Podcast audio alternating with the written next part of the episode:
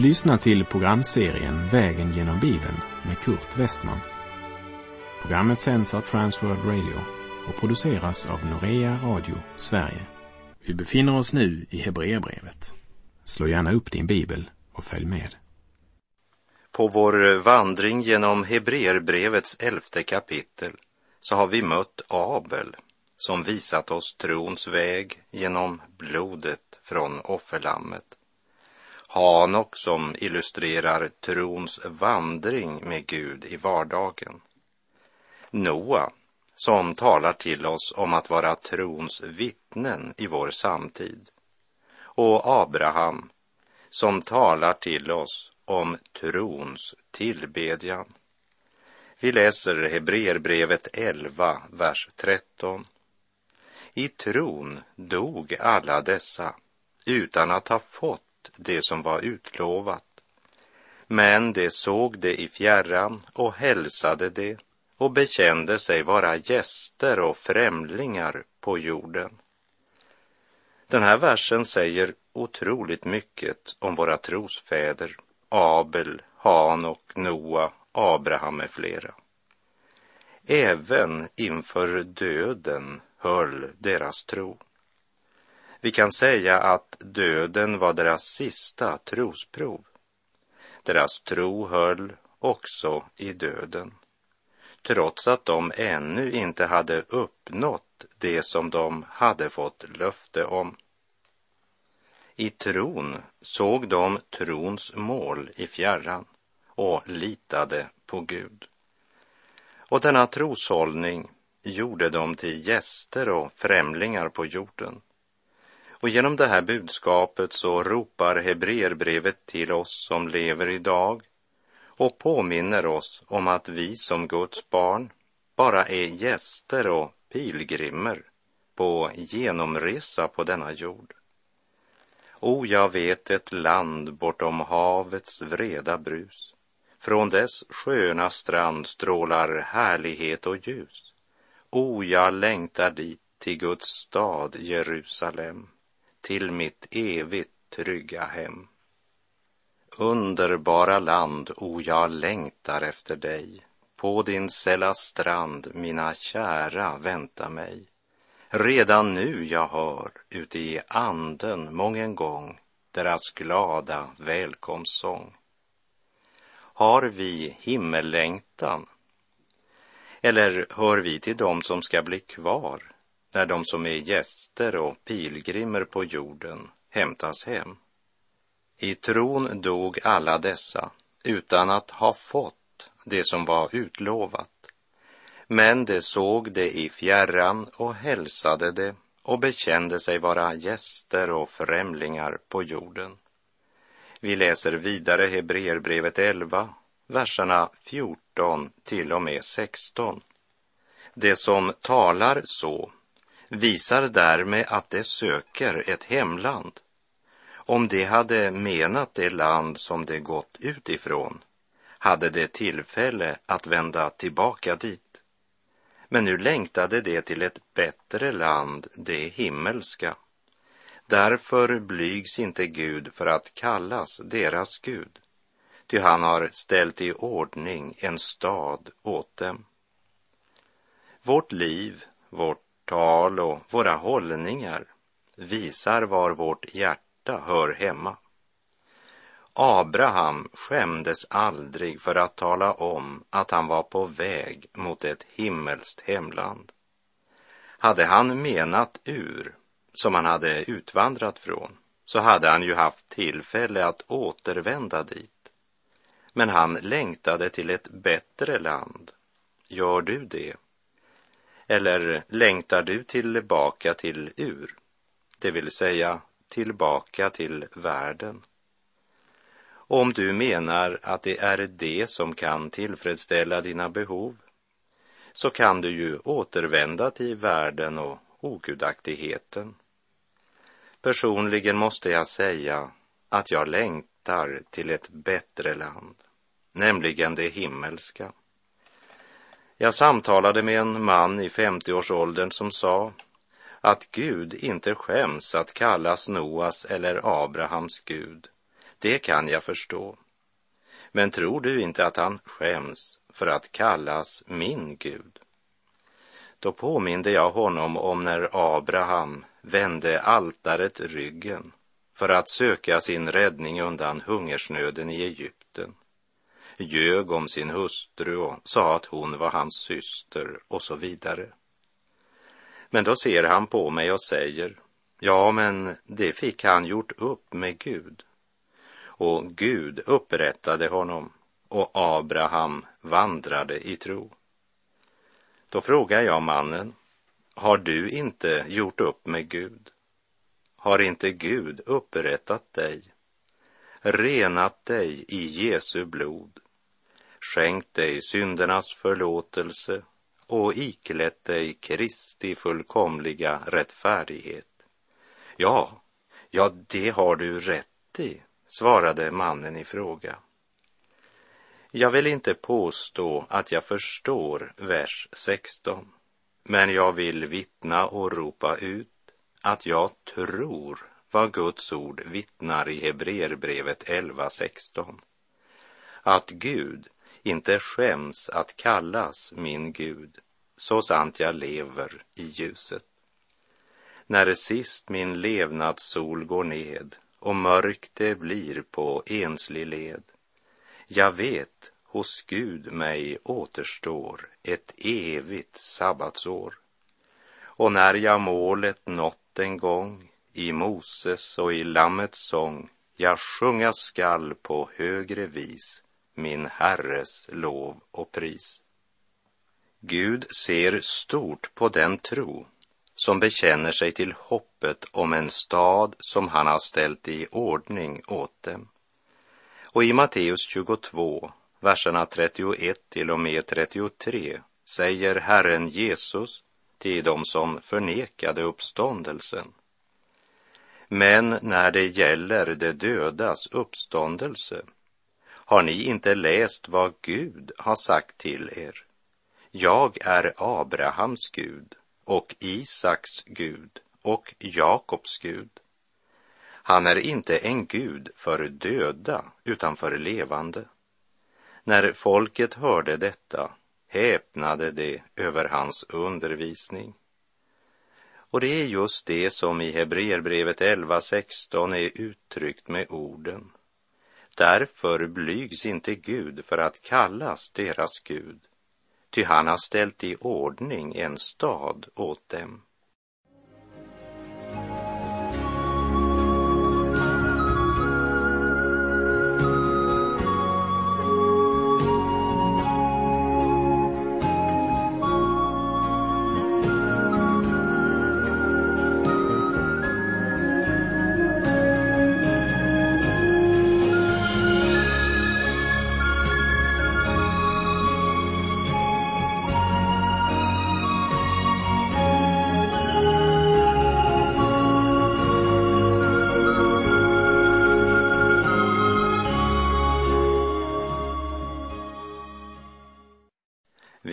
Läser i Hebreerbrevet 11, vers 17. I tron bar Abraham fram Isak som offer när han blev satt på prov. Ja, sin ende son bar han fram som offer, fastän han hade fått löftena. Och till Abraham hade Gud sagt, genom Isak skall du få dina efterkommande. Det är vid den här punkten det avgörande trosprovet sker i Abrahams liv. Helt sedan han utvandrade från Ur i Kaldén har det varit en trosvandring. Och även om Abraham har en äldre son som heter Ismael så är det Isak som är den som är löftessonen. Det är genom Isak Gud givit Abraham och hans efterkommande löftet. Och vi läser vers 19. Abraham räknade med att Gud hade makt till och med att uppväcka från de döda. Därifrån fick han honom också tillbaka, bildligt talat. Vi ska komma ihåg att Gud ber inte Abraham att offra sin son Isak förrän han har vandrat med Gud i tro i många, många år. En tro som härdats och som styrkts genom att uppfyllelsen dröjde och dröjde tills det mänskligt sett var för sent. I Första Korinthierbrevet 10, verserna 12 och 13 så skriver Paulus. Därför skall den som menar sig stå se till att han inte faller. Ingen annan frestelse har drabbat er än vad människor får möta. Gud är trofast. Han ska inte tillåta att ni frestas över er förmåga, utan när frestelsen kommer skall han också bereda en utväg så att ni kan härda ut. Gud frestar eller prövar oss inte över vår förmåga, även om vi nog kan känna det så mer än en gång. Men Gud har ett mål med allt vad han tillåter och hans kärlek är fullkomlig. Låt aldrig Satan få dig att tvivla på Guds kärlek till dig, utan ta istället Herrens hälsning genom profeten Jeremia som en personlig hälsning till dig just nu. Jag citerar Jeremia 31, vers 3. Fjärran ifrån uppenbarade sig Herren för mig. Med en evig kärlek har jag älskat dig. Därför låter jag min nåd förbliva över dig. Lägg märke till att Gud aldrig krävde av Abraham att han skulle offra Ismael på ett altare. Vet du varför? Jo, för det första så var inte Ismael löftessonen. Och för det andra kan du vara säker på att Abraham aldrig skulle ha offrat honom. Varför inte? Helt enkelt därför att han hade inte något sådant löfte angående Ismael, så han kunde inte räkna med att få honom tillbaka. Och när Ismael var i den åldern var Abraham inte heller redo för ett sådant trosprov. Han ville ju inte ens sända ifrån sig Ismael, utan bad Gud att han skulle få behålla honom. Han älskade Ismael så högt att när Gud kommer och förnyar sitt löfte om att Abraham ska få en son med Sara, så säger Abraham, låt bara Ismael få leva inför dig. Första Mosebok 17, vers 18. Och medan Isak bara var en liten baby så kunde Abraham aldrig ha offrat honom. Men när Abraham vandrat i tro och fostrats och prövats av Gud, då var Abraham redo att lyda Gud. Och därför prövas hans tro på detta sätt. Samtidigt ska vi komma ihåg att detta måste ske eftersom Isak förebildar frälsaren Kristus som ska dö för våra synder och besegra Satan, synden och döden och uppstå på tredje dag. Låt oss betrakta Abraham från en lite annorlunda synvinkel. För vi tänker oftast på de stora löften Gud gav honom angående landet som skulle bli hans och hans efterkommande. Men vad var det Abraham själv egentligen uppnådde under sin livstid? Vad var det han verkligen såg? Han såg aldrig dessa stora löften uppfyllas. Men vad Gud gav honom var ett hem. När han som ung man levde i Ur i så fick han Sara, som han älskade, till sin hustru. Men så en dag när Abraham kommer hem och hans föräldrahem var ett hem präglat av avgudstyrkan. Och här vill jag citera vad Josua säger till folket i Josua 24, vers 2. Och Josua sade till allt folket, så säger Herren, Israels Gud. På andra sidan floden bodde era fäder i forna tider. Så gjorde också Tera, Abrahams och Nahors fader och de tjänade där andra gudar. En dag så kommer Abraham hem och säger Gud har kallat mig att lämna denna plats. Och det som jag tyckte mig höra både Sara och hans far Tera säga, men alla dina släkt släktingar bor ju här. Affärerna går ju strålande och förresten, vart är det du har tänkt att resa? Och Abraham måste svara, det vet jag inte. Och släktingarna frågar, vad menar du med att Gud har kallat dig och att du ska resa härifrån Ur, men du vet inte vart du ska ta vägen? Mår du inte riktigt bra, eller? Abraham svarar, Gud ska leda mig och jag ska utvandra. Deras tro var inte stark, men stor nog till att de trots all osäkerhet tog Abrahams far och några släktingar med sig och bröt upp från Ur i Kaldén och började vandringen. Och det ser ut som om färden var målmedveten och allt går efter planen, helt tills man kommer till staden Haran, där karavanvägen delade sig. Vid det här vägvalet tvekar man och det slutar med att man slår sig ner i Haran och längre än så kom de inte förrän Abrahams far Tera dör.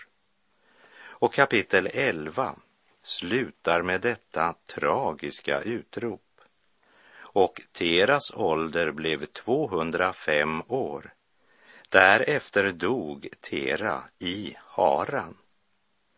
Även om han fick leva i 205 år så nådde han aldrig målet. En gång startade han vandringen mot kanan. Han gjorde ett uppbrott som kostade honom allt och han färdades ett långt stycke. Men vet av sitt livs stora skiljevägar var det något som blev viktigare för hans hjärta än kanan. Låt oss meditera lite grann över vad det vill säga oss om vår livsvandring och våra val.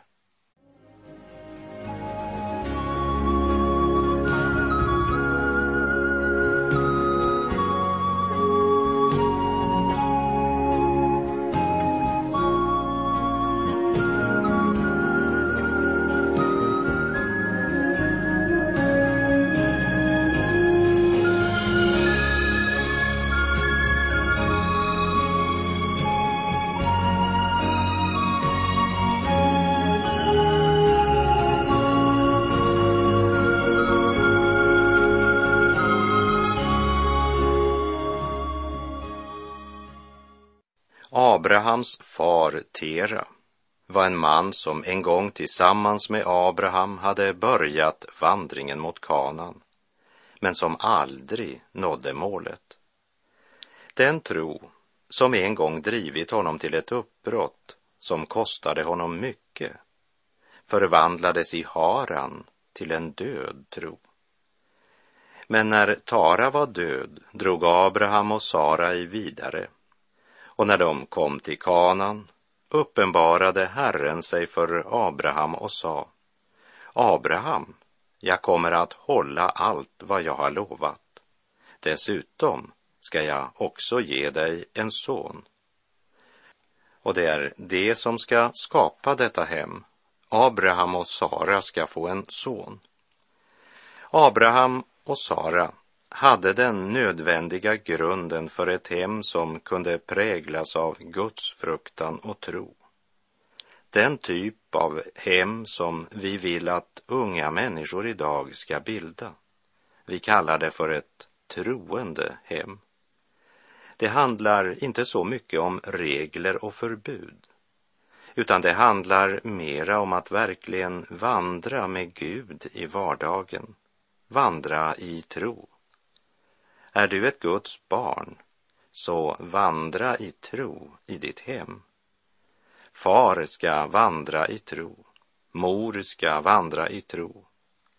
Hemmet blir aldrig fullkomligt, Men det finns något som heter Herrens välsignelse över hemmet och gemenskapen. Men på denna syndens och dödens jord finns det inga problemfria äktenskap. Jag tackar Gud för unga och äldre par som varit på äktenskapsviken och som upplever att de fått god vägledning och hjälp. Men jag börjar bli trött på dessa som berättar om hur de varit på äktenskapsläger och som nu har det mest underbara äktenskap utan några moln på vardagens himmel. Äktenskapet handlar inte om en tillvaro utan regnskurar, men om att hjälpa varandra att finna platsen under Herrens paraply. Liksom Abraham kommer också du att möta dina trosprövningar, precis som Abraham, när han flydde till Egypten. Personligen så tror jag att Sara protesterade och sa, nej, jag vill inte till Egypten. Men husets herre sa, Egypten är lösningen. Och så reste de till Egypten. Och där höll han nästan på att förlora sin hustru till någon annan. Därför att han ljög och sa att hon inte var hans hustru. Och det är ju inte någon ideell familjesituation, eller hur? Och när Abraham återvände från Egypten till löfteslandet så blev det konflikt med brorsonen Lot. Kanske Abraham skulle ha lämnat Ur i Kaldeen utan Lot. Lot skilde ju lag med Abraham senare och flyttade till Sodom.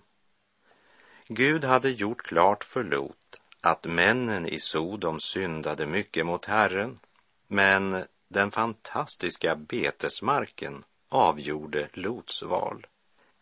Men varken Abraham eller Sara var några mönstermakar. Abraham tvivlade på Gud. Han tyckte inte att Gud skulle ödelägga Sodom och Gomorra. Så Gud blev tvungen att göra det klart för Abraham att Guds dom var rättvis. Och Gud blev tvungen att göra det klart för Sara att han kunde ge henne kraft att föda en son på sin ålderdom. Och Gud gav Isak för att låta honom växa upp i Abrahams och Saras hem, även om ingen av dem var några fullkomliga föräldrar. Men vad det egentligen handlar om är att mitt i sin mänskliga skröplighet vända sig till Gud och vandra i tro. Därför var Abrahams och Saras hem ett sådant hem som Gud vill att du ska ha. Och om du inbillar dig att kristen etik och några moralregler kommer att vara en garanti för att slippa alla problem och svårigheter och prövningar så tar du fel. Plötsligt en dag så har du ett häftigt gräl med din fru. Och en dag så får du plötsligt problem med det barn som Gud getter. Och du kommer att upptäcka att du själv inte alltid uppför dig gudfruktigt i hur du hanterar situationen. Ditt hem kommer inte att bli något ideellt eller fullkomligt. Men hur ska du då klara av alla dessa problem? Genom tron, min vän. Genom tron. När du och jag har nått den punkten att vi är villiga att lägga vårt barn på Herrens altare, då har vi kommit rätt. Kära troende vän, om du sårats i livets många stormar och upplever problem och stora prövningar, så försöker Gud mitt i allt detta att lära dig något. Låt Gud vara din lärare. Spring inte till din präst eller pastor i tron att det ska lösa alla problem. Men med det så vill jag inte ha sagt att du inte ska söka råd och samtala med dem du har förtroende för. Men du kan aldrig undfly problem och svårigheter. Men vandra i tro, förlita dig på Gud och han ska vandra med dig, om än din väg går genom dödsskuggans dal. Abraham tillbad i tro och det ledde till lydnad. Och därför säger skriften följande och ger honom detta vittnesbörd i Romarbrevet 4, vers 3. Ty vad säger skriften? Abraham trodde Gud och det räknades honom till rättfärdighet. Vi läser Hebreerbrevet 11, verserna 17 till och med 19. I tron bar Abraham fram Isak som offer när han blev satt på prov. Ja, sin ende son bar han fram som offer fastän han hade fått löftena. Och till honom hade Gud sagt, genom Isak skall du få dina efterkommande. Abraham räknade med att Gud hade makt till och med att uppväcka från de döda. Därifrån fick han honom också tillbaka, bildligt talat. Gud sina barn med vishet leder, han skiftar glädje och besvär. Ett barn som får allt vad det beder, sin egen ofärd snart begär. Lär då en gång att döma rätt om denna faderns delningssätt. Om alla skatter vi förlore, så blir dock Jesus hos oss kvar. Om ingen vän i världen vore, en vän i Jesus jag dock har, den sig åt honom anförtror, av lyckans skiften ej beror. Så falle då på våra kinder ej mera någon tröstlös tår. Vår nöd med Jesus oss förbinder, vi är och hans och han är vår. Han våra sorger skall till slut likt våra synder plåna ut. Eller som Levi Petrus sjunger, himmel och jord ska brinna, höjder och berg försvinna, men den som tror ska finna. Löftena, det står kvar. Och med det så är vår tid ute för den här gången och jag säger på återhörande om du vill. Herren vare med dig. Må han få bevara dig i tron. Gud är god.